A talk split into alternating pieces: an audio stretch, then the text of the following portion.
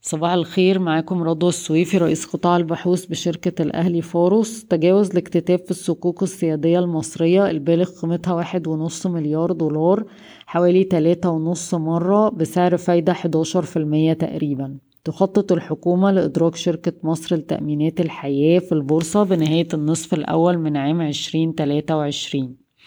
شركة كيما آه، بتهدف إلى تأمين 300 مليون دولار أمريكي لتمويل آه، خط إنتاج جديد 600 مليون طن حامض نيتريك و800 مليون طن نترات الأمونيوم وقد تتعاون كيما مع أبو قير وموبكو في المشروع ده.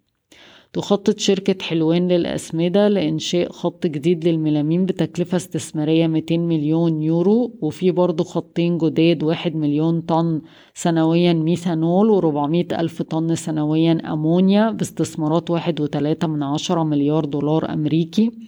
بفكركم ان أبو قير عندها حصة صغيرة في حلوان للأسمدة وشركة حلوان من ضمن الشركات اللي الحكومة أعلنت إنها بتستهدف خصخصتها آه، السنة دي.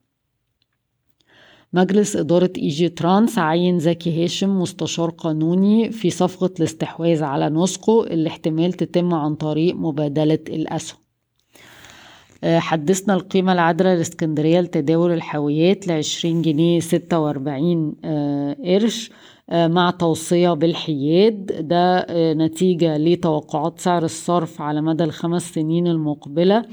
وفي برضو تطورين مهمين. واحد هو مشروع تعميق محطة رقم ستة وتسعين بميناء الدخيلة وده إيجابي. وتطور تاني سلبي هو آه، محطة تحيا مصر متعددة الأغراض في ميناء الأسكندرية اللي هي هتبقى تقريبا تزود المنافسة بالنسبة لهم. الشركة عندها عائد توزيعي مرتفع إحنا متوقعين يبقى في حدود في المية وهي السهم بيتم تداوله على مضاعف ربحية ست مرات لعام عشرين تلاتة وعشرين.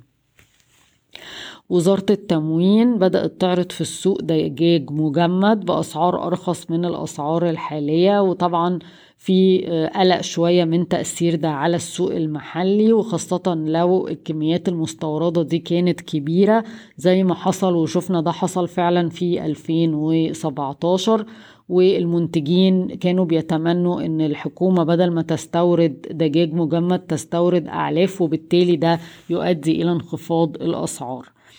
e-finance هتستثمر 2 مليار جنيه في الشركات التابعة وبتشوف فرص استثمارية مع آه، صندوق الاستثمارات العامة السعودي PIF وافقت الهيئة العامة للرقابة المالية لمدينة نصر على إصدار سندات توريق بقيمة مليار جنيه.